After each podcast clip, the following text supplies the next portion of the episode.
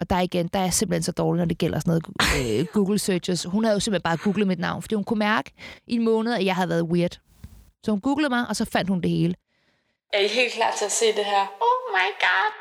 Min Instagram-profil er stor på baggrund af min persona. Velkommen til min første vlog i 2022. Tusind tak for 250.000 abonnenter. Det er vi sindssygt det er vi. På sociale medier er influencers blevet et stort fænomen. Så jeg har 55.000 følgere på Snapchat. Tak fordi I så med på den her video. Husk selvfølgelig at give den en thumbs up, hvis I godt kan lide den, og subscribe, hvis I gerne vil se mere. Hej! Med 79 faste læsere på fantinobambino.blogspot.com fik hun lagt Ej. grundlag Ej. for en kæmpe karriere. I 2011 opgraderer hun til det famøse Canon 550D, fordi Nikon ikke var godt nok. Og derefter går hun viral på YouTube med en feriedagbog. Hun går under navne som Grey Shampoo, Fantino Bambino, DJ Slim Tino, men de fleste kender hende som Maria Fantino. Hun har 112.000 følgere på Instagram, og du har formentlig hørt hendes stemme i programmet Curlingklubben. I dag, der skal vi på en tidsrejse, venner. Du lytter til Like Mig. Ej, så frygteligt. Velkommen til, Maria. tak. Ej, du har rent faktisk lavet noget research. Det var da forfærdeligt. Jeg har virkelig gravet. Ja, øh, ja, puha. ja, Grey Shampoo. Det var, det var også min YouTube. Ja, det Ja. var det. Ja. Det øh, bliver rigtig spændende at snakke om i dag. Mm. Har du stadig et had til Nikon? Øh, jamen, det har jeg jo vel egentlig, fordi jeg kun har haft Canon. Okay. Men jeg var, jeg, jeg var engang en rigtig fotopige. Ja. Øhm, og det er jeg ikke så meget mere. Jeg har et, et, jeg har et godt analogkamera, men det er sådan nogle gange, jeg har været inde og kigge på min, på min gamle fotoblog. Er det rigtigt? Hvor lang Before tid they siden er det? fade. Øh, For Ja, et par Before måneder They Fade. siden. Og jeg blev sådan lidt trist, for jeg var sådan, ej, jeg var virkelig... Jeg var, jeg var godt på vej dengang øh, til, øh, jeg ville virkelig godt lave noget inden for foto. Og jeg ville rigtig gerne være tilrettelægger og alt muligt. Og så startede jeg i gym, og så var det mere spændende at, at drikke øl. Og jeg gik på Ørestad Gymnasium i København, hvor øh, sneakers var det mest interessant overhovedet at snakke om. Så jeg droppede bare alle mine egne interesser for ligesom at blende lidt ind. Og Mm. Man kan jo sige, at jeg er jo blevet noget inden for medier alligevel. Men det er sådan, ej, jeg, jeg tror sgu, jeg kunne have været en okay god fotograf. Ikke at man kan se det på den gamle det blog der. Altså, det synes jeg Men, jo godt, øh, man kan. Nå, mange Der er en artistisk vinkel. Ja, der er også nogle forfærdelige billeder af min veninde med sådan noget indianerhøvding øh, ting på, der ryger cigaretter. Og det vil sige, den var ikke gået, gået i dag. Det var den ikke, nej. Nej. Jeg har gemt de billeder der. Ja, tak skal du have. De er rigtig flotte, og vi, jeg vil faktisk indrømme, at vi kæmpede en brav kamp for at få et Canon 50, nej 500D Mm-hmm. med. Så satte vi et stykke tape hen over det ene nultal og skrev 5 på det. Og øh, min kære øh, Nej, Victor, han cyklede jo simpelthen København er rundt det rigtigt? for at finde en oplader til det der kamera. Og vi prøvede at få billederne over, sådan, så du virkelig kunne få et sådan Ej, flashback. hvor fornemt. Men vi kunne simpelthen ikke få billederne over på. Til gengæld er der kommet strøm på. Det er altså fornemt. Og Det er et- noget af et objektiv, der på det her. Ja, det er det. Det er ikke den der Ej, hvor er 1855. det hyggeligt. Ej, ja, men jeg har altså ikke brugt øh, Spiderflix i sindssygt mange år. Ej, det er så skørt, ikke? Jo. Men der var virkelig også en tid for det.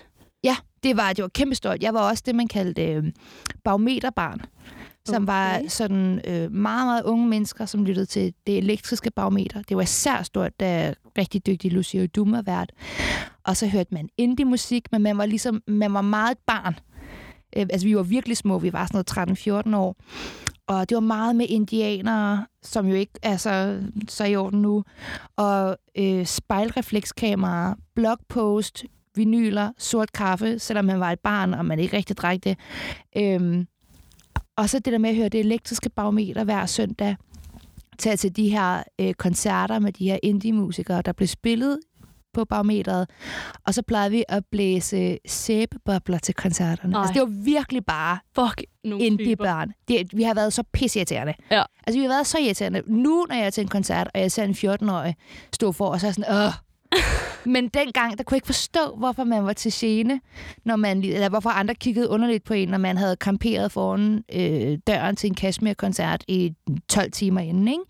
Men, men sådan var det bare dengang. Det var bare meterbørnene. Og der var spejlreflekset virkelig en, en stor del af det. Fuldstændig. Ja, Jeg og så også, at ja. du øh, havde delt en Kashmir-koncert, ja, det, ja, det havde jeg. ja. Ja. hvor at I også lige, du får filmet dig og dine venner, og der er emo-tid. der. ja, det er der virkelig. Jeg havde også håret. ja, ja. dengang, du havde ja. virkelig håret. havde er sjovt. Jeg var også igennem den der emo-periode. Ja, og det sjove er, at man kan altid jeg synes altid, man kan spotte dem, der har været emoer. Ja.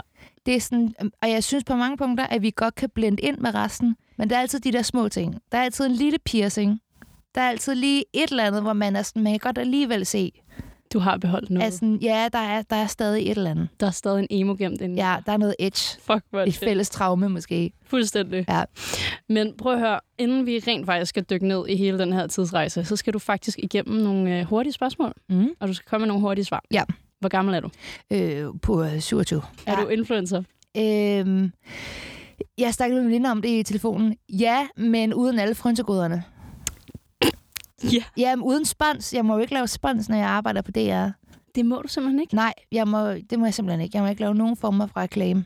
Okay. Så jeg er blevet tilbudt utrolig mange øh, fornemme mobilcovers fra et eller andet sted i Sverige, og dem, dem er jeg nødt til at takke nej tak til. Ideal of Sweden, må det Ja, være. det er det nok, ja. Nå, vi rykker videre. Tjener du 1 million i 2022? Nej, det gør jeg godt nok ikke. ikke jeg, arbejder, jeg har en fin løn, men, men som det er ansat, der tjener man altså ikke lige så godt som alle de andre. Hvor ofte arbejder du i dit nattøj? Øh, aldrig. Jeg har faktisk ikke nattøj. Jeg forstår ikke det svar. Der er Nej. flere gæster, der Ja. har sagt det. Jamen, jeg, jeg, har, jo, jeg har faktisk et, et nattøjsæt, som jeg kun har på, når jeg er hjemme hos mine forældre. Nej, det øh, er Øh, sødt. Ja, tak. Men jeg, tror- også fordi, der synes jeg, det er sådan lidt... Jeg ved, jeg ved ikke, hvorfor, men jeg synes, G-streng og t-shirt hjemme hos min mor og far, det ved jeg ikke. Der, der er sådan lidt for... Blev færdig. Ja, Ja, samme her. ja. Øhm, et par gange har jeg prøvet at sove i natsæt over for min kæreste, hvor han øhm, har været meget sådan, hvorfor er du sur på mig? Altså sådan, hvis, hvis jeg ligger fuldt påklædt i sengen, så tror han, at der er et eller andet galt. Yes, det kan øhm, jeg ikke genkende. så ja, uden for at gå meget i detaljer, jeg har ikke natsæt på. Er det sket, at hvis det ikke er på Instagram? Øh, ja, det er det. Hvornår slettede du sidst et opslag? Mm. Oha. Et år, mere over et år siden. Hvem er den mest kendte, der følger dig? Gud, det aner jeg ikke. Det er også spørgsmålet til 1 million. Puk, Puk, Puk Elgård, Ja, måske. hun er også sej. Det ved, jeg ved faktisk ikke, hvem der følger mig. Det, det er ikke noget, jeg, jeg har kigget så meget på. Prøv at høre, den går til Puk.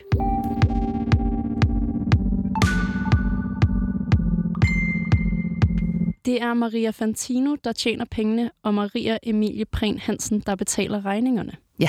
Hvad betyder det? Øhm, det betyder, at mit borgerlige navn er Maria Emilie Prehn Hansen. Øhm, men jeg er, det er Maria Fantino, som er kunstneren, det er bubberen, Ja, som, øh, som ligesom er hende, der går ud og siger sjove ting og, og tjener alle pengene. Og så er det den kedelige borgerlige navn, Maria Emilie Prehn Hansen, der bliver skrevet ind i NemID hver gang, når der skal NemID. ordnes øh, forskudsopgørelse og alt muligt. har du styr på sådan nogle ting? Øh, ja, altså begge mine forældre er jo ikke kreative branchemennesker. Øh, de er begge to jurister. Så på den måde, der, har jeg jo, der er der jo styr på det derhjemme. Altså, det er jo sådan nogen, der betaler deres regninger og forskudsopgørelser. Min far endda er juraprofessor i markedsret. Fy Så hvis der er et eller andet, jeg ikke forstår med skat, så plejer jeg at kunne ringe hjem til ham, og så har han et eller andet fornuftigt svar, han kan give mig. Han burde have en hotlinje. Ja, det burde han virkelig. Jeg, Ja. ja. jeg, jeg tænker også nogle gange over, at jeg er enormt privilegeret med de der ting, at mine forældre faktisk kan hjælpe mig. Altså dengang med, uden at vi skal gå i gang med, med det nødvendigvis, men dengang, at jeg blev troet med en retssag af en tidligere chef, jeg havde klaget over, fordi han havde sagt nogle upassende ting til mig, der var jeg så glad for, at jeg havde nogle forældre, der var jurister, som ligesom kunne fortælle mig, hvad der var op og ned, og hvad betyder det, når han skriver det her i en mail, øh, at han vil det ene og det andet i retten og så videre. Fordi når jeg står inde på skat og skal lave en forskudsopgørelse, og man kan klikke på det der spørgsmålstegn, og det, der står i tekstboksen, der er endnu mere forvirrende, end det, der i forvejen stod. Eller der er nogen, der sender en eller anden mail om, at de vil øh, et eller andet fancy ord med mig i retten. Så har jeg nogle forældre, jeg kan ringe til og bede mig om at, at forklare det på menneskesprog. Men det er der rigtig mange andre, der ikke har. Så det er jeg ret glad for. Men ja, jeg betaler mine ting til tiden. Jeg er en PBS-pige. Det skal bare overføres. Og så siger jeg faktisk så fornuftigt, at jeg lægger penge til side hver måned, til hvis jeg en dag skulle blive selvstændig. Ej, hvor er du Ja. god. Der er ikke nogen, der skal, der skal eje mig. Nej, fandme nej. Og hvad så, hvordan kom Maria Fantino? Øhm, da jeg var, jeg tror omkring 12, 12 år gammel, da jeg var barometerbarn, meget, den, meget kreativ, meget flyvsk, der havde jeg en rigtig god veninde, som øh, lyttede til rigtig meget fransk musik. Altså, det kan ikke blive mere selvsmagende. Det, det der redder os var, at vi var børn, ikke? Øhm, og hun lyttede meget til en sang fra en fransk kunstner, der hed Sebastian Tellier. Som du havde brugt til din musikvideo. Eller havde jeg ne- musikvideo, din Præcis. feriedagbog. Ej, du har virkelig lavet research, det må jeg sige. Men han havde en sang, der hed Fentino, som var en øh, instrumental klaverversion. Og den mente hun mindede rigtig meget om mig. Så hun begyndte mig, øh, at kalde mig det. Og det var den her periode, hvor... Øh, den der underlige periode, hvor man lige pludselig begynder at få venner, som ikke er en del af ens klasse. Eller dem, man går til tennis med. Men sådan nye bekendtskaber, som er sådan lidt spændende, fordi du kan begynde at danne dig din egen identitet. Jeg synes jo, det er så underligt det der med, at du går i folkeskole i 10 år, Altså, du er sådan noget 5-6 år, når du starter, og du er 15-16, når du slutter. Du ændrer dig jo sindssygt meget, og du er bare stok med de samme mennesker. Så det var den her periode, at jeg begyndte at få nye venner fra nogle andre naboskoler. Vi gik til sådan nogle, jeg håber ikke min mor hørte det her, men sådan nogle fester en lidt for tidlig alder. Og hun introducerede mig for alle som Fentino. Og det tog de bare fat i, og de introducerede mig så videre som Fentino. Og i starten, der var jeg meget sådan, nej, lad være, jeg hedder Maria, eller mit, mit sigende emo-navn var faktisk Lama Labelhead, hvilket er et forfærdeligt navn. Lama Label her. Ja, jeg ved ikke lige. Jeg blev kaldt Lama, og så skulle det jo gerne have, så skulle efternavnet minde om, mm. ligesom Nikita Klæstrup, hun hed jo Nikita Nightmare, dengang hun var emo. Der findes YouTube-videoer af det forresten Ja, tak. med Nikita Nightmare. Men jeg blev så kaldt Fantino af alle de her mennesker, og så blev det ændret på min Facebook, så ændrede jeg det tilbage, så hackede de den igen og ændrede det, og til sidst så gav jeg bare op. Øhm, og så begyndte det lidt at blive min identitet. Startede i gym, så blev jeg også kaldt det der. Startede jeg på højskole, så var vi otte, der hed Maria, skorstrej Marie. Så der blev alle bare kaldt andre navn, og der hed jeg også Fantino. Det var faktisk først, da jeg startede på DR, at de i starten da jeg skulle prøve at lave radio, øh, prøvede at sælge mig ind som Maria Emilie Prehn, hvilket var sindssygt underligt. Øh, fordi det der er for først aldrig nogen, der har kaldt mig. Jeg var Maria Emilie Prehn Hansen, hvis jeg er noget. Øh, og jeg tror, at der, hvor jeg synes, det blev mest fjollet, var, at min bedste veninders kæreste havde redigeret lyd på det, og havde ikke anet, det var mig, fordi han ikke kunne genkende mig på navnet. Nej, hvor skørt. Altså, han anede ikke, hvem det var. Og der havde jeg sagt, men det er jo ikke mig. Og de var meget bange for i starten, at når jeg var Maria Fantino, så var jeg en karakter, og så var jeg ikke mig selv. Men øh, det tror jeg simpelthen bare ikke passer. Jeg synes, jeg er ret meget mig selv, selvom jeg har et kældnavn. Men problemet er også nu, jeg kalder det nogle gange buberforbandelsen, og det er jo, at nu har jeg også svært ved at, ved at gå væk fra det igen. Meget. Altså, Meget. Thomas Skov lykkedes med ikke længere at være praktikanten. Men det tror jeg også har taget øh, altså hårdt slid og arbejde, ikke? Jeg er jo bare Maria Fantino nu, og nogle gange synes jeg, det er lidt akavet at være sådan, ja, det er et kældnavn. Men det, det er jo gået godt med det navn, så nu, nu holder jeg ved. Og God så, idé. Ja, det synes jeg. Hvem har vi så med i dag? Vi har øh, den autentiske Maria Fantino med. Åh, oh, det er jeg glad for. Ja, eller Fantino, som mine veninder bare kalder mig. Fantino. Ja. Har du egentlig stadig kontakt til hende, der originalt kaldte dig Fantino? Nej, ikke rigtigt. Det var også en af de ting, jeg ligesom, der lidt røg ud af sandet i gymnasiet, hvilket jeg synes er mega trist. Men jeg tænker tit på hende, og jeg takker hende. Oh. Det var, det var et godt navn, hun gav mig der. Hvor er du vokset op henne? På Østerbro i København. Vildt, du er simpelthen bybarn. Ja, jeg er et københavnerbarn. Okay. Ja, min, øh, ja, man kan diskutere, om min mor er københavner. Hun er født i Valby, som dengang ikke var særlig fancy. Ja, Og min far er fra Nordvest, også dengang, at det heller ikke var særlig fancy. okay. Hvor Men øh, hele min fars familie er i flere generationer Nørrebro-mennesker. Sådan. Ja, så de er meget stolte over, at jeg er kommet tilbage til Nørrebro. Ja, for du bor der nu, ikke? Ja, det gør jeg. Ej, det er også dejligt. Det er super dejligt. Hvor længe har du boet der? Jeg flyttede ind hos min kæreste i 1. marts 2020. Og så øh, 11 dage efter, så kom der et lille presmøde, Oh, og så var vi pludselig rigtig meget sammen. Ja, det var I da. Ja, men han fik masser af tid til at renovere den lejlighed, fordi der var ikke rigtig noget andet, man kunne i den Åh, oh, periode. Hvor fedt. Ja, Det kan han finde ud af. han er fra Amager. Hvad er det for et svar? Øh, Jamen, han, han er klassisk Amagerbaren. Hans far er øh, alt muligt mand. Jeg tror, han er uddannet smed, men de kan bare alt. Altså, sådan, selvom han er akustikingeniør og øh, er, spiller musik og alt muligt, så kan han også lige fikse en, øh, en ledning og lige sætte øh, et skab op. Og, altså, han har fikset hele vores lejlighed sammen med hans far Fandme jo. altså sat en trappe op. De har slået to små andelslejligheder sammen. De har sat en trappe op, og de har fe- lavet nye vægge, muret m- vægge op og nye lofter, og sat køkken op. Og, Altså, de kan det hele. Det, det, det er meget imponerende. Mine forældre er også nogen, der ringer til en elektriker, hvis de skal sætte en lampe op. 100 procent. Ja, det kan de simpelthen ikke finde ud af. Nej. Så det er øh, så lækkert for mig, at jeg har fået en gratis elektriker og murer og smede og sneker og det ene og det andet hjemme hos mig selv. Alt i en. Altså, Ja.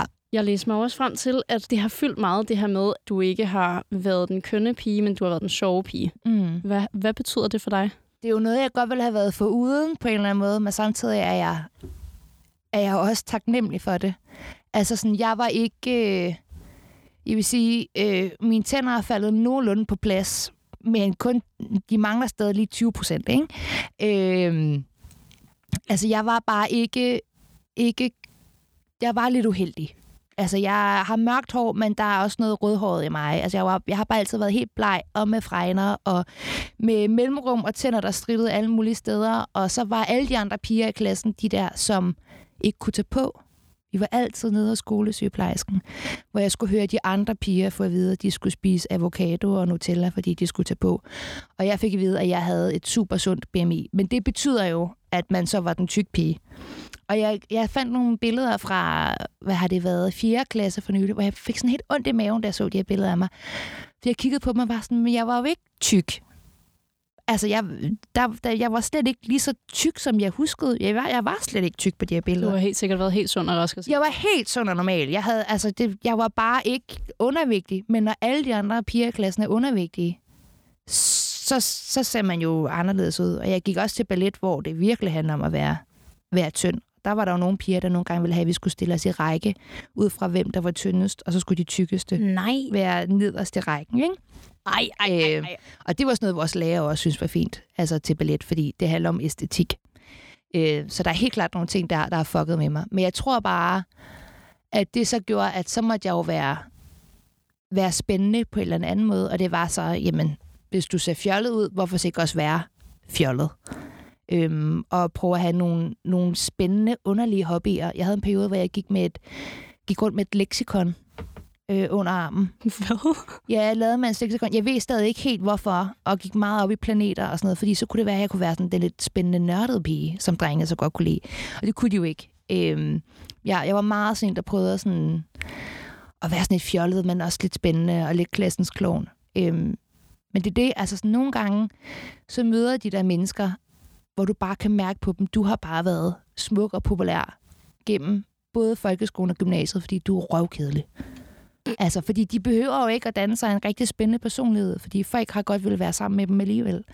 Øhm, og der var jeg så lidt, lidt det modsat. Der, ikke at jeg skal sige selv, at jeg er sjov og spændende og alt muligt, men jeg har i hvert fald været tvunget til, at jeg skulle træne de ting lidt mere, end dem, der var helt konventionelt smukke og populære. Men alligevel ville du gerne have været for uden det. Altså, der... Ja, ved du hvad? Jeg gad sgu da godt at have haft en folkeskoletid, hvor jeg ikke øh, prøvede at... Altså, jeg havde jo en Wii Fit. Det ville jeg da ønske, mine forældre aldrig havde købt til mig. En WeFit. Ja, men det var... Øh, dengang Wii var stort, så var, Var var der det det der... Øh, fitness med det der ja. ja. board, du kunne stå på, så hvor du kunne veje dig selv hver dag. Øh, som jo er super sundt, når man går i 3. og 4. klasse Altså, helt vildt. og så hjem og træne øh, og lave mavebøjninger og det ene og det andet for at tabe sig og læse øh, mors alt for damerne blade i smug med alle mulige kurer, man så prøvede at lave. Og, altså, jeg har jo stadig det der problem med, at jeg tit tæller kalorier, selvom jeg ikke prøver. Fordi der er nogle ting, jeg bare husker fra de der blade. Altså, alt for damerne havde en kur, hvor du skulle spise tre måltider om dagen, og hvert måltid skulle være på 250 kalorier hvilket er fuldstændig vanvittigt nu, når jeg tænker over det. Men jeg har stadig det der med, at hvis jeg ser et eller andet i 7-Eleven, en eller anden chiagrød, og der står, at, den, at der er 450 kalorier af, så tænker man i hjernen, fy for helvede. Det er to måltider lige der. Øhm, så sådan nogle ting vil jeg jo godt have været foruden. Øhm, men jeg kunne også godt forestille mig, at folk, der har været konventionelt øh, pæne og populære i folkeskolen, dealer med lige så mange ting, fordi de også har skulle holde det oppe, ikke? Altså, det undrer mig ikke rigtigt, at du siger det, at der er stadig nogle ting, der sidder fast i dig på den der måde, fordi jeg har i hvert fald nogle veninder, som i hvert fald har døjet med deres måde at se deres krop på Mm. fra deres ungdom.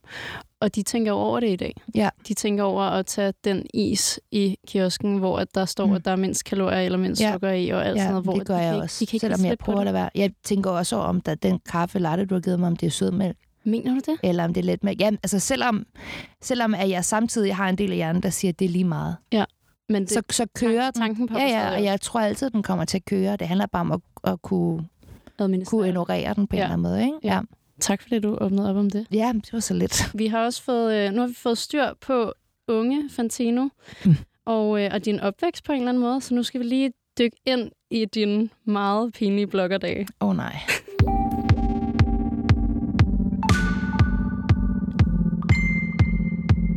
Nu har jeg jo gravet virkelig dybt. Jamen, det er så dumt af mig at sige ja til det her program og fuldstændig glemme, at jeg har gjort de her ting. Jeg synes jo, det er imponerende, øh, sådan, first of all, at de her ting eksisterer på nettet. Ja, og jeg, jeg, jeg kan heller ikke slette dem.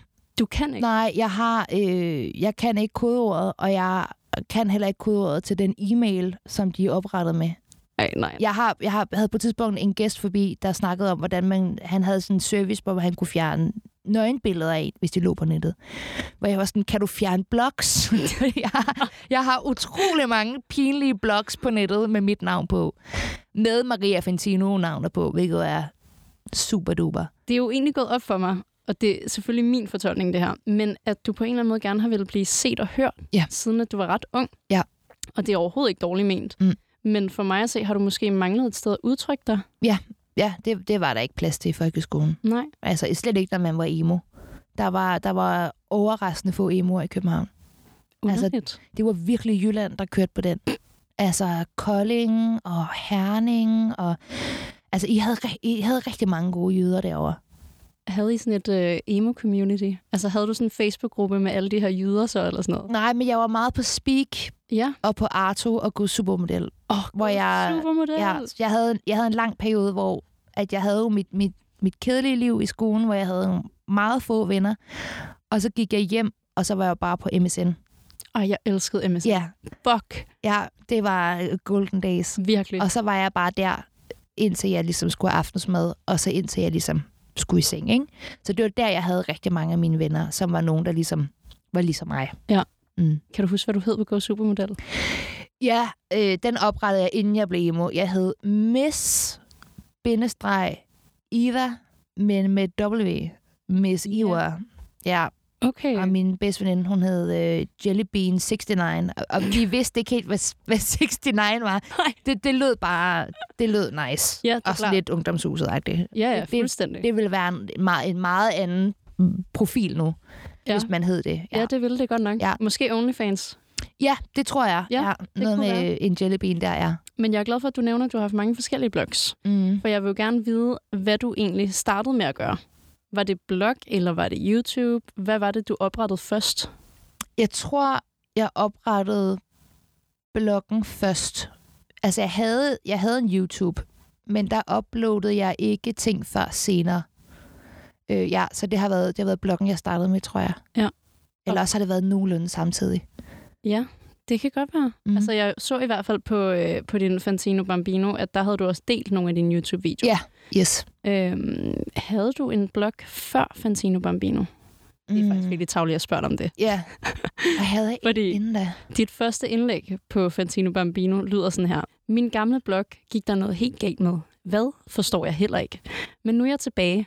Back on track. Så er det bare at få gang i noget skriveri. Gang i alt det med at skrive ned igen. Ja, og jeg havde to læsere. altså, øh, jeg tror, at der var også en anden, der hed Maria Fentino Mavi.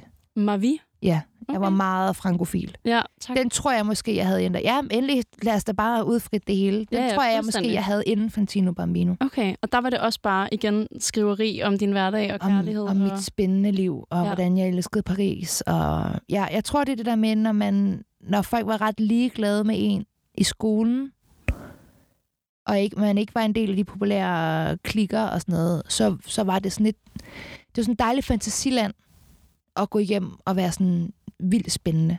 Jeg vil også sige, at på nogle punkter, der lykkedes det. Altså til sidst, da jeg var de der 14-15 år, der var der jo nogle barometerbørn, der var et par år yngre end mig, som så meget op til mig, og hvor jeg ligesom fik lov til at være den, der var sådan, I skal lytte til det her, og Ah, I skal have den her vinylafspiller, og, okay. og sådan noget. Og det var jo vildt spændende, plus det at have nogen, der var sådan, ja, fans. nogle fans Ja. egentlig. Ja. Ej, hvor er det sjovt. øhm, Hvorfor, øh, hvorfor tror du, at du startede på at skrive? Mm, det var meget, altså det var jo meget en del af det netop at være et barometerbarn. Der skrev man, udover at der blev spillet en masse indie-musik, og der var nye sådan, bands, der blev spillet, så var hele kernen i barometeret det her med, at lytterne skrev breve ind, og de bedste breve blev læst højt, og det allerbedste brev fik en t-shirt, en stille t-shirt, som er deres tagline, som jeg har vundet to af faktisk. Sådan. Ja.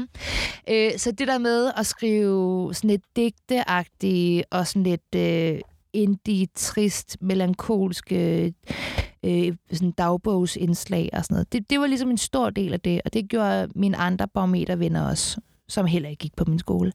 Øhm, så det der med at have en blog, det var sådan meget naturligt, selvom der ikke var nogen, der læste dem.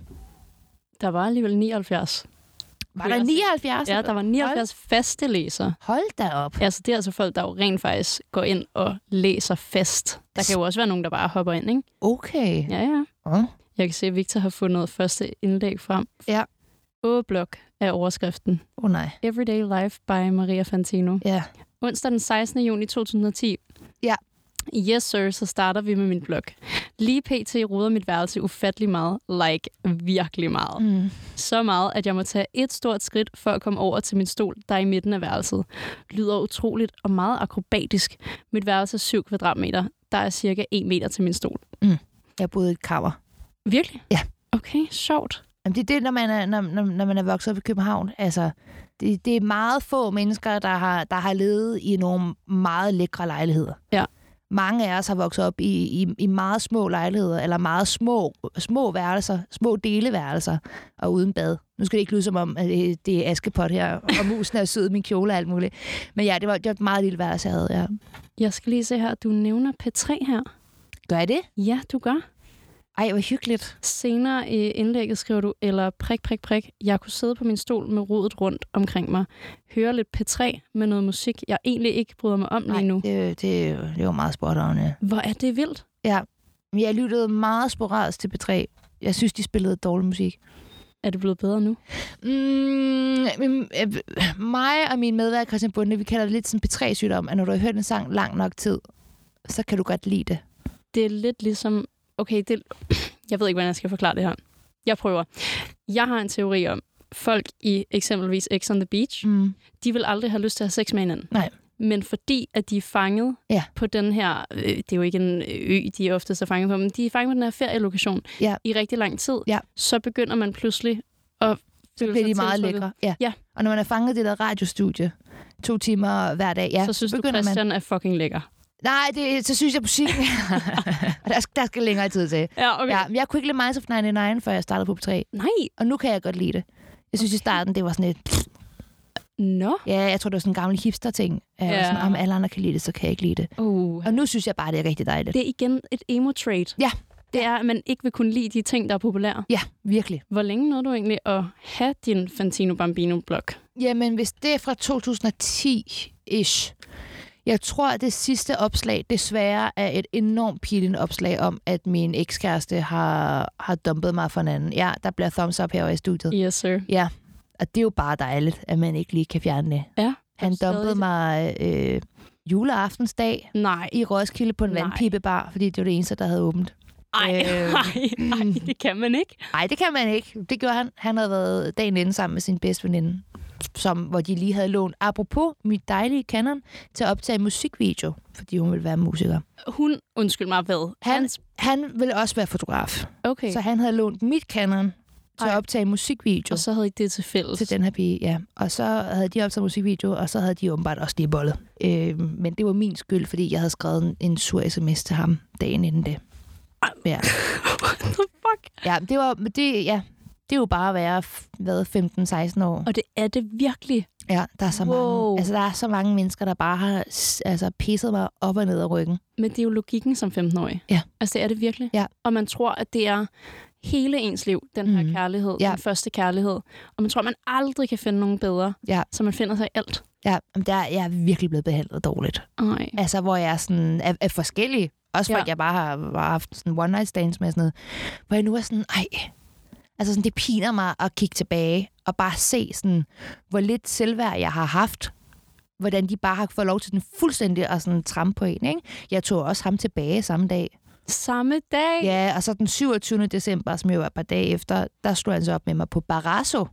Der var noget med de der offentlige steder. Ja, Hvorfor offentlig sted? ja jeg ved det ikke. Det, Jeg ved det måske virkelig været, ikke. det kan sikkert være, at han har været en af dem der, der har fået at vide, at det er nemmere at gøre et offentligt Ja. ja. sted, sådan, så der ikke kan blive gjort en scene ud af Ja, det. og det var super dejligt, især fordi den 27. december er den dag, hvor alle butikkerne åbner deres januarudsalg. Ej, ej. Og det var altså Barrasso ved Kongens Nytorv. Så jeg ved ikke, jeg tror, det havde været nemmere, hvis han bare havde slået op med mig i en park, eller derhjemme hos mig selv. Eller Ja, det er da klart. ja, det var sådan det var et meget offentligt sted. Fuck, hvor er det tavligt. Ja, det var ret nederen. Ej, Og, nej, og så nej, ja. skrev jeg det her dejlige opslag om ham, som jo er der for evigt. Men det er ret sjovt at se. Altså, jeg synes jo, at du skriver sindssygt meget om kærlighed. Mm. Og jeg synes jo, at dit sprog er fantastisk. Mange tak. Altså, du er virkelig god til at skrive. Mange tak. Hvordan var dit forhold til skolen på det her tidspunkt? Øhm, jeg var... Jeg har altid været god i skolen på nær alle de naturvidenskabelige fag. Åh oh, ja. Matematik, og jeg var en af de der børn, der sad og græd ved spisebordet, når min far prøvede at lave min matematiklektier med mig. Ikke? Også mig. Ja, jeg kan ikke. Nej. Og min far var sådan, det er så nemt. Altså, hvad er fire gange ni? Og jeg, det kan jeg ikke, jeg kan ikke. Men dansk og alt det der, det, det har jeg altid haft ret nemt med. Også sprog og sådan noget. Jeg går også øh, til italiensk undervisning en gang om ugen. Ej, det vil Nu- jeg så gerne. Ja, det er dejligt. Det, det er også ekstra skole, man lige pludselig betaler for at gå til. Men sådan, jeg har altid bare kun, godt kunne lide det sproglige. Øhm, så jeg var også jeg var en ret meget sådan 12 pige Ja. med sådan nogle ting. Var det noget, du delte med dine klassekammerater eller dine lærere, det her med, at du havde en blog? øh, med min bedste veninde, anne Sofie, som gik i min klasse. Hun vidste jo ligesom det hele. Det var ikke hemmeligt, Okay. min, min blog på den måde. Hun vidste det godt, og hun var også en, der, der også gik rigtig meget op i at skrive de meget lange, melankolske, rørende dansk stile mm. og sådan noget, der skulle læses højt, og, og det ene og det andet. Så sådan, det havde vi helt klart sammen. Sejt. Ja, vi er også nogle af de eneste, der valgte fransk. Mm. Alle de andre tog tysk. Ja, det er klart. Ja, de følsomme piger, de tog fransk. Ja, ja. Ej, hvor er det sjovt. Jeg kan virkelig ikke genkende det til så mange af de Ja, ja, her ting. nej, Jeg det tog er også godt. fransk. Gjorde du det? Ja. ja. Det var sådan, jeg fik mine to andre bedste veninder i, i skolen. Det var simpelthen gennem fransk, og det var først i 7. klasse. Ej, hvor er det sjovt. Ja. Ja. Kaldte du egentlig dig selv for blogger? Øhm, Altså, var det overhovedet en ting? Altså, på ja, det tidspunkt? kaldte man egentlig sig selv det dengang? Jeg tror mere, at, at jeg bare sagde, at jeg havde en blog. Mm. At jeg skrev på en blog. Så det var ikke fordi, at du selv fulgte blogger, eller sådan var inspireret af nogle store profiler? Nej, på mange punkter var jeg faktisk enormt egocentreret. øh, altså, i, altså i den periode. Det, det handlede bare meget om min egen blog. Jeg kan huske, som på en eller anden måde er sådan indbegrebet af barometerbarn var, at der var en... Jeg tror, det var flere, der faktisk havde en blog sammen, sådan en Tumblr-blog, der hed Kaleidoskop, som var, og flere af dem er rigtig dygtige fotografer nu. Rita Kuhlmann og sådan noget, mindes jeg, var, var en del af den der, som bare tog en masse virkelig flotte, æstetiske øh, indie-billeder og skrev tekster. Og, altså, det var virkelig... Dem, dem tror jeg, jeg fik noget inspiration fra, men de var faktisk et par år yngre end mig. Nå, hvor sjovt. Ja, så de har været sådan noget 12 år, da jeg var 14, ikke? Så på den måde, der var de også meget små. Men de har virkelig, de har virkelig indhentet mig. Hvad med den her YouTube-video, der går viralt? Hvorfor Grey Shampoo?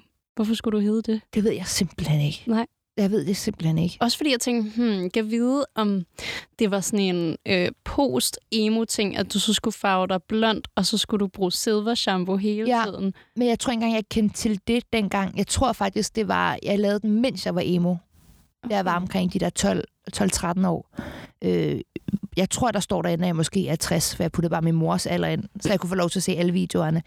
Øhm, men jeg tror bare, jeg synes, det lød sådan lidt sejt. Ja. Og sådan lidt, lidt dark. Mystisk. Ja. Hvordan klippede du videoen? Eller videoerne, kan du huske det? ja, jeg kan huske, min far han tog mig med i Elgiganten, hvor jeg for mine egne penge købte et eller andet redigeringsprogram. Og så brugte jeg bare rigtig meget tid efter skole. Og i weekenderne, der kunne jeg godt lide at sidde til altså meget sent ud på natten og bare klippe de her videoer. Til, men hvad er det for en, du refererer til? Fordi der er en Der, jeg refererer med til en den. Sebastian Tellier-sang, Det er lige præcis den. som jeg refererer nemlig, til. som, hvor der er sindssygt mange franskmænd, der har skrevet til den, Ja, helt vel. hvilket er virkelig underligt. Det er jo ikke så underligt. Altså, du har Nej, Nej, valgt men, men- at kalde men... videoen kunstnerens og kunstnerens, hvad hedder det, titel på sangen. Nå gud, så simpelthen bare, det er musikvideo, jeg Altså, har den lavet. hedder jo det der Sebastian Tellier, er det det, han Ja, hedder? ja. Tellier, ja. Og så navnet på sangen. Ja, så kan jeg egentlig godt forstå, at de har... Ja, men jeg kan bare synes, at det, det var ret vildt, fordi jeg tjekkede den et par år efter, Jeg havde, ja, fordi i starten, der var der s- ikke noget. Det tror jeg, egentlig, jeg havde skrevet great video, og så var det det. Og så tjekkede jeg et par år efter, jeg havde ligesom postet den, og så var der ret mange, der havde skrevet. Ja. Jeg ved ikke, hvor- kan du se, hvor mange kommentarer der er? på den? Ja, det kan jeg sagtens. Der er 15 kommentarer. Nå, okay, det var faktisk ret få, egentlig. Jeg, jeg, jeg tænkte var lige, der så var klar. mange. Ja, jeg tænkte lige, at øh, vi er oppe i 1000 eller et eller andet. Der er 15 kommentarer. Ja, Ah, okay. Ja. Nå, men Maria, vi har jo øh, vi har fået dækket hele den her bloggerperiode ret godt, føler jeg. ja. Nu er jeg i hvert fald klar til at snakke lidt mere om curlingklubben. Mm. Vi er jo på en tidsrejse her, Ja. og øh, jeg synes ikke, vi kan undgå at snakke om curlingklubben. Mm. Og jeg håber, at du gider. Det vil jeg gerne. Jeg ved ikke, hvor meget at du rent faktisk bliver spurgt ind til det her. Men jeg synes jo, det er pisse interessant. Og endnu mere interessant nu, hvor vi har fundet ud af, at du rent faktisk har nævnt P3 i dit første blogindlæg. Ja, det synes jeg egentlig er ret cute. Det er ret charmerende. Ja. Hvordan når man dertil, hvor man bliver vært på et radioprogram? Altså, der er jo mange forskellige måder at gøre det på. De fleste bliver jo journalistpraktikanter. Jeg søgte ind på noget, der hedder Talentholdet på DR, som er sådan relativt... Det er mindre hemmeligt nu, men dengang var det sådan underligt hemmeligt, at DR har sådan en form for talentfabrik. Det er sådan et toårigt praktikforløb, som de har haft siden 70'erne. Michael Bertelsen, Mads Brygger, Signe Molde, øhm, der er sindssygt mange, der har øh, Simon Jul, Adam Duverhal, alle dem øh, startede på talentholdet. Og det er sådan, deres karriere startede. Øhm, og jeg søgte ind som 20-årig. Vi var, jeg tror, cirka 1500, der søgte ind. Øh, det var over tre måneder, hvor der hver måned var en ny videoopgave, man skulle løse. Øh, blev inviteret til samtale. Og så var jeg en ud af 12, der skulle til optagelsesprøve, der varede tre dage. Og havde holdt det helt hemmeligt for mine forældre.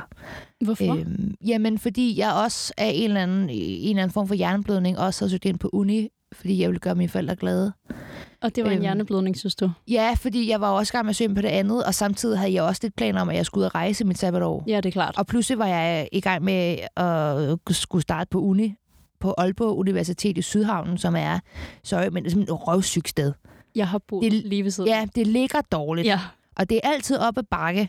Og der er ikke nogen gode ting i nærheden. Og lokalerne var kedelige, og deres fredagsbar var røvsyg. Dem, jeg gik med, var søde, men det var simpelthen... Jeg tror også, jeg synes, det var så dårligt, fordi jeg jo samtidig søgte ind på talentholdet. Klart. Så jeg vidste, at hvis jeg ikke kom ind der, så måtte jeg sætte med Aalborg Universitet, ikke? Men jeg, jeg gjorde det, fordi jeg ville gøre mine forældre glade, og jeg kan huske, da jeg fortalte mine forældre, at jeg kom ind på studiet, at min far han poppede en champagne, og så sagde han, nu har vi endnu en akademiker i huset, og jeg havde så Åh. oh. dårlig samvittighed, fordi jeg vidste, at jeg søgte ind på det andet. Men det er fordi, de begge to er de første i deres familie, der har fået en videregående uddannelse. Det er også flot. I de første akademi, især på min fars side, der var de alle sammen håndværkere. Så sådan, de var jo stolte. Og jeg tænkte bare, nu blev de så skuffede, når jeg kom ind på talentholdet. Og jeg kan huske, min mor hun græd, da hun fandt ud af, at jeg var kommet ind. De opdagede det øh, inden optagelsesprøven, Nej. faktisk. Hvordan? Men min mor, hun havde googlet mig. Og der igen, der er jeg simpelthen så dårlig, når det gælder sådan noget øh, Google searches. Hun havde jo simpelthen bare googlet mit navn, fordi hun kunne mærke i en måned, at jeg havde været weird. Så hun googlede mig, og så fandt hun det hele. Så de kom sådan helt, øh, mor og far tror, du har taget stofferagtigt, og var sådan, vi har set noget på nettet, og vi ville bare høre, om du søgte ind på det her. Og så begyndte jeg at græde, og var sådan, fortalte dem det hele. Og de synes bare, det var super duper. Og så kom jeg ind. Vi var tre, der kom ind til at starte med. Vi endte med at være fire. Og jeg kan huske, jeg, fortalte min, jeg tog hjem til min mor, og fortalte det til hende øh, på hendes arbejde. Øh, og hun græd, da hun fik det at vide. Og så gik jeg over og hentede min far i lufthavnen. Han kom hjem fra en eller anden forretningsrejse. Altså, græd hun af glæde? Hun græd af glæde. Okay, godt. Og min far, han fik også våde øjne, Nå. fordi han var så glad og stolt. Så alt det der, jeg var bange for med, at de ville være skuffet og alt muligt, det passede jo bare overhovedet ikke. Ja, Øh, så der gik jeg, og det var to år praktikforløb, hvor man bliver kastet ind i alle mulige radioprogrammer, og det ene eller andet fik rigtig meget øh, værtstræning og idéudvikling og det ene og det andet. Og så har man ligesom to, sådan, vi kalder det lidt talentmor og talentfar, som er dem, der ligesom har dig under hele forløbet. Som er tough love, men også virkelig sådan meget kærlig over for en og samtidig. Hmm. Mm. Ikke? Og så var jeg færdig. Hvad har det været? September, oktober 2017 og december 2017 fik jeg at vide, at jeg skulle lave Gønneklubben. Og hvordan bliver det stablet på benene? Bliver det koncept opfundet for jer? der var et, øh, de manglede et nyt eftermiddagsprogram på P3. Og øh, et program, Christian Bunde, min medvært, faktisk havde sendt med Mikkel Rosendal, der nu laver Godmorgen på 3, blev lukket. Øhm, hvor vores daværende chef, der var ansvarlig, fordi han sagde, øh, at det var hans beslutning, og det næste program skulle have en mand og en dame, fordi på det tidspunkt, der tror jeg måske, der var en kvindelig vært i alt på Wow. B3. Så det var sådan en god gammeldags kvindekvote. Han var sådan, vi skal have en kvindelig vært. Og så blev jeg inviteret på casting med Christian, kun med Christian faktisk. Han cast, blev castet med alle mulige forskellige, fordi de vidste godt, de ville have ham. Og så blev vi valgt. Øhm, og på det tidspunkt, der havde vi ikke rigtig noget forhold til hinanden. Vi, han havde været praktikant samtidig med mig på B3, men øh, vi havde aldrig rigtig klikket. Jeg synes, han var sådan lidt irriterende og indadvendt og sådan meget borgerlig. og han synes, jeg var ret irriterende, fordi jeg var fra København og havde ring i næsen. Og så opdagede vi bare, da vi var til den der casting, at vi var enormt kontrastfyldte, men at vi samtidig også havde at vi forstod, vi forstod ikke hinanden, men vi havde forstået fuldstændig hinandens humor. Altså, Fedt. det var vores kommunikationsform på en eller anden måde. At Jeg vidste præcis, hvad jeg skulle sige, for at han kunne pingponge det tilbage, som var sådan ret sød. Det er lidt som en, der spiller tennis, og en, der spiller badminton, og så er der bare noget skide god pingpong imellem os. Det burde ikke fungere, men det gjorde det bare. Så vi blev valgt, og så har vi faktisk sendt det i fire og et halvt år. Snart her til januar har vi sendt det i fem år. Tillykke med det. Mange tak. Virkelig. Mange tak. Det er fandme vildt. Ja, det, det er mange år. Jeg var jo 22, da vi startede programmet. Åh, oh, det må have været vildt at være så ung og blive kastet ud i så stor en opgave i Det det var- bund og grund. Det var meget syret. Øhm, det var meget, meget underligt. Det var, det var, især, det var især det der med øh, folk, der kan genkende en. Det oplevede du? Ja, det, det begyndte relativt hurtigt. Vi lavede det der øh, Dumbo-klip, der kom ud, og så tog det bare fart. Og det synes jeg var meget, meget grænseoverskridende. Jeg kan huske, at vi holdt mine veninder og jeg til en jubilæumsfest for vores, øh, for vores venindegruppe, hvor min ene veninde havde lavet sådan en sk- skideskør leg med, at under hver tallerken, så var der en seddel, hvor der stod, hvad man skulle. Hele, du ved, så skal man skåle, hver gang nogen rejser sig, eller et eller andet, bla bla bla. Og med Mien, og der har jeg sendt et, i et par måneder her, der havde hun skrevet, at jeg under hele middagen skulle minde folk om, at jeg var blevet kendt. Nej. Og det var bare så misforstået, for jeg synes, det var det mest forfærdelige, der var sket for mig, at folk var begyndt at genkende mig. Altså, hvis jeg kunne lave radio, og folk ikke kunne genkende mig på gaden, så havde jeg valgt det.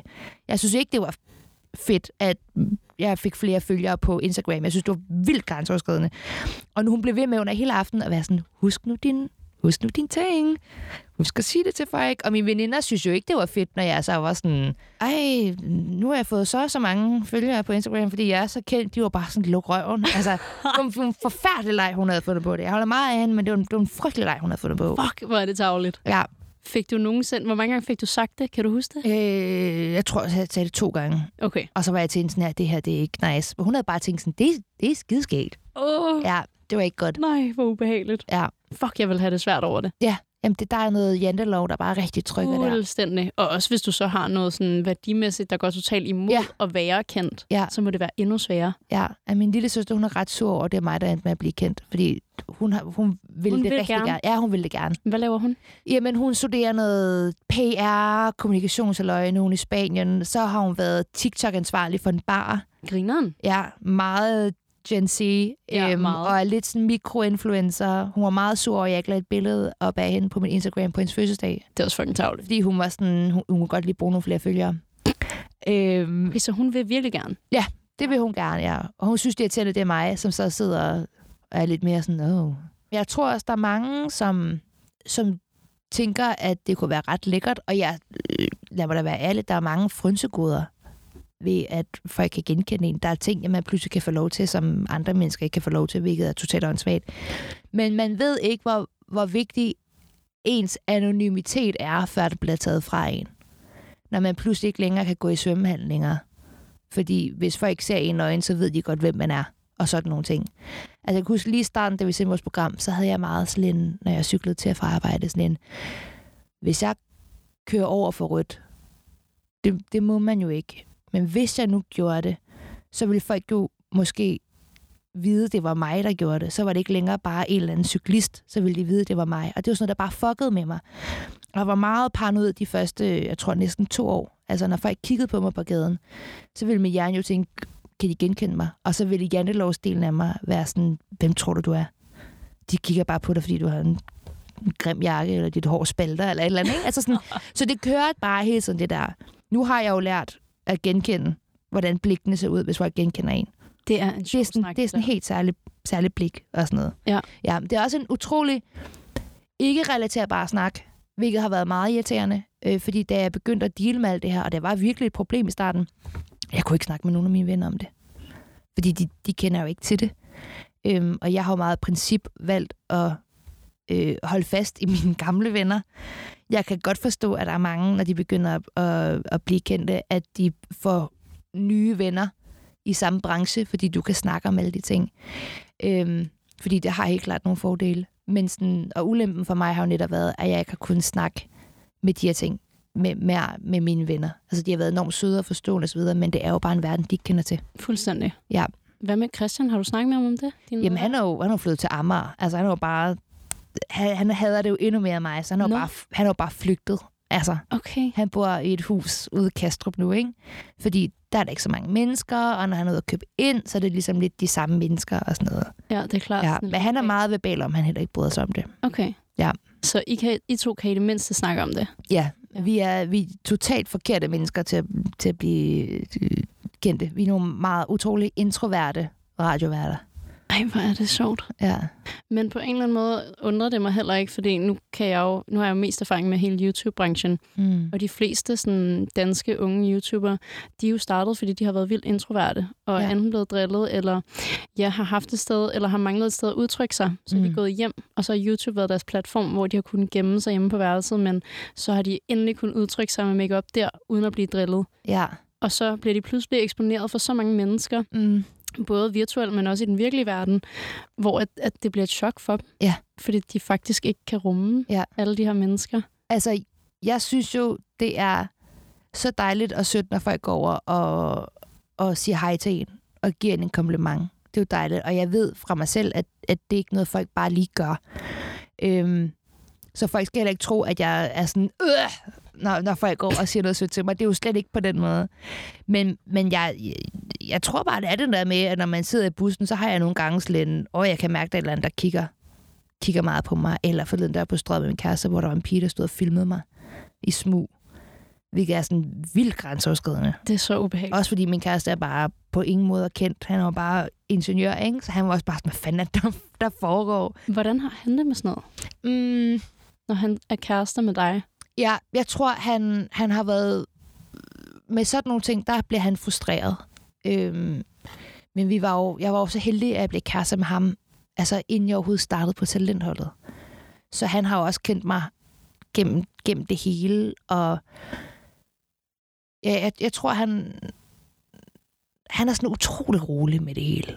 Altså, jeg tror da, at på nogle punkter, der synes han, det er fedt, at folk, han møder, kender hans kæreste, og han er jo stolt over det, jeg laver. Og på andre punkter, så tror jeg, han har sådan en, det kunne også være fedt, hvis hvis fremmede mennesker ikke skrev underlige ting til mig på Instagram. Og altså, der, der er mange, der skriver om, de må få, få billeder af mine fødder for penge. Og sådan nogle Mener ting. du det? Ja, jeg ved ikke, jeg ved ikke hvorfor. Okay, det Ja. er skørt. Jeg ved ikke, om jeg bare har sådan en rigtig feedpick ansigt eller et eller andet. øhm, men, men det er, der, det er der ret mange, der skriver om. Og bare sådan nogle weird mænd, der skriver om natten og sådan noget. Altså, er det, er det danske beskeder? Det meste af danske er. Okay, det er underligt. Ja. Fordi at det ligger ikke fjern for mig, at hverken jeg selv eller andre i branchen får de her beskeder, men Nej. det er oftest på engelsk. Ja, jeg, jeg får nogle, nogle dejlige danske øh, fodinteresserede mænd i mine DM's nogle De gange. findes også. Det gør de, ja. Folk er generelt meget søde i mine DM's, men de er også til tider ret liderlige. Okay, Ja. ubehageligt. Ja, men, men på den der, det er, ikke, det er ikke over grænsen, det de skriver. Det er bare nogle gange slet en, øh, en Jeg eller anden. føler nogle gange, det bliver sådan et, nå, Ja, ja, men også nogle gange, fordi så er det en eller anden lidt for gammel mand, ja. Ja. hvor det er helt tydeligt på hans Instagram, han er gift. Ej. Og ej, man var sådan, du skal ikke skrive de her ting til mig. Nej. Altså, der føler man pludselig, at man bliver taget til gissel i et eller andet, der er ja, ja, det er enormt faktisk privat. virkelig rigtigt. Ja, det er sådan lidt underligt. Så hvis der er nogen, der sidder derude og, s- og beder om fodbilleder Mhm. Ja. fra Maria, så please lad være. Ja, faktisk. I, I, I får dem ikke. Nej, det gør I ikke. Og så, så bliver det rigtig dyrt. Ja, det gør det rent Ja, det faktisk. gør det. Har du nogensinde gjort det til gengæld? Nej, men jeg blev faktisk tilbudt det, da jeg var... Ej, nu lyder det rigtig ulækkert, da jeg var sådan noget 14-15 år, fordi jeg dansede ballet. Okay. Der var der en på Speak, der tilbød mig penge for nogle feedbacks, hvor jeg ikke gjorde det. Okay. Øhm, fordi jeg ikke helt forstod, hvad det var, han mente, faktisk. For den rene er altid en rent, ikke? Mm. Øh, men han var meget sådan, uh, han havde hørt, at jeg gik til ballet, og han ville godt have nogle billeder af nogle balletfødder. Men jeg er faktisk meget det ved, at jeg har lavet tv, at jeg har været sådan, I skal ikke filme mine fødder. Fordi der er jo den hjemmeside, der hedder Holly Feed, hvor folk kan poste billeder af kendisers fødder. Det. Og jeg troede, det kun var englændere, men der er også danskere derinde. Og jeg er sådan her, det sidste, jeg skal, er, at der er nogen, der har siddet med et eller andet øh, kønneklubben på færgerne og, og screenshotet mine fødder og poster sådan et sted. Fordi det er ren onani, Fuldstændig. den der hjemmeside. Den er rigtig nasty.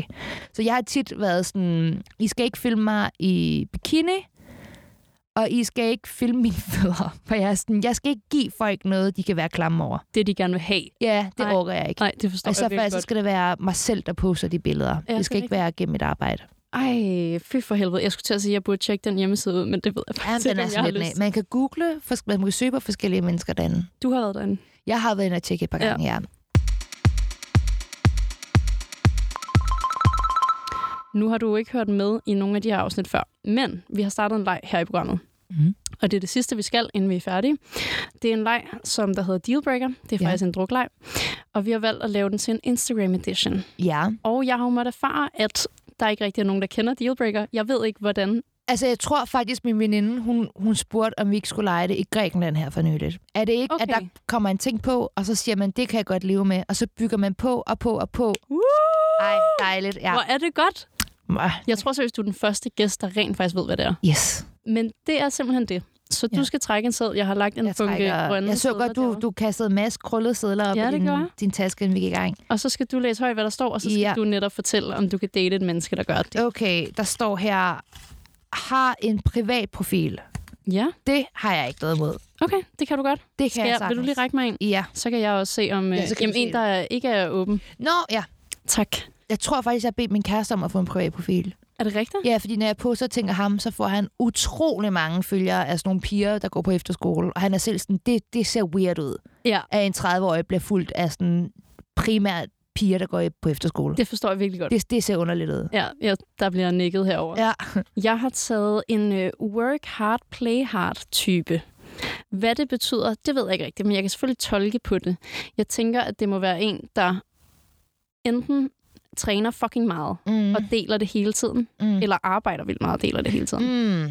Hvordan vil du tolke den her? Altså, min kæreste, han træner utrolig meget. Okay. men på den der... Han, han, han er lykramanden, der cykler til og fra arbejde Åh, oh, nej. på sin absurd dyre cykel. Og han løber absurd meget Okay. og meget hurtigt og næsten hver dag og står med kagerullen og ruller sin lægge helt tidligt og sådan noget. Vi skal have en ny kagerulle. øh, og han svømmer, og han dykker også pilates med mig nu. Altså, han er... Og det er jo selvfølgelig ikke en dealbreaker for mig. Men ville det være en dealbreaker, hvis han delte det hele tiden på Instagram? Fordi det er jo faktisk det, spørgsmålet er. Ja, og der må jeg faktisk være ærlig. Der sy- det synes jeg faktisk er lidt smule usekset. Ja. Altså, det, der kan jeg godt mærke, der er nogle punkter, hvor jeg faktisk, hvis jeg skal være helt ærlig, er en kæmpe sexist. Og jeg synes, mænd, der sådan poster billeder af deres sådan helt swole overkrop og sådan noget, det synes jeg er så usekset. Prøv at høre, det er fair nok. Det ville også være en dealbreaker med en, der skrev i sin caption til et billede, work hard, play hard. Rigtigt. Ja, det er super usekset. Rigtigt.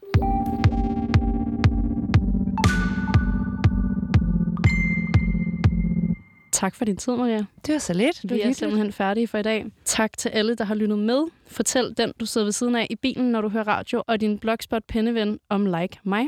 Hvis du sidder derude med en god idé, eller en person, I gerne vil være med, så skriv til mig. Også hvis du sidder inde med lidt gossip, vi skal have afmystificeret. Næste afsnit kommer på fredag kl. 7. Hvis du gætter ugens gæst inden, så sender jeg en selfie-hilsen. Vi ses.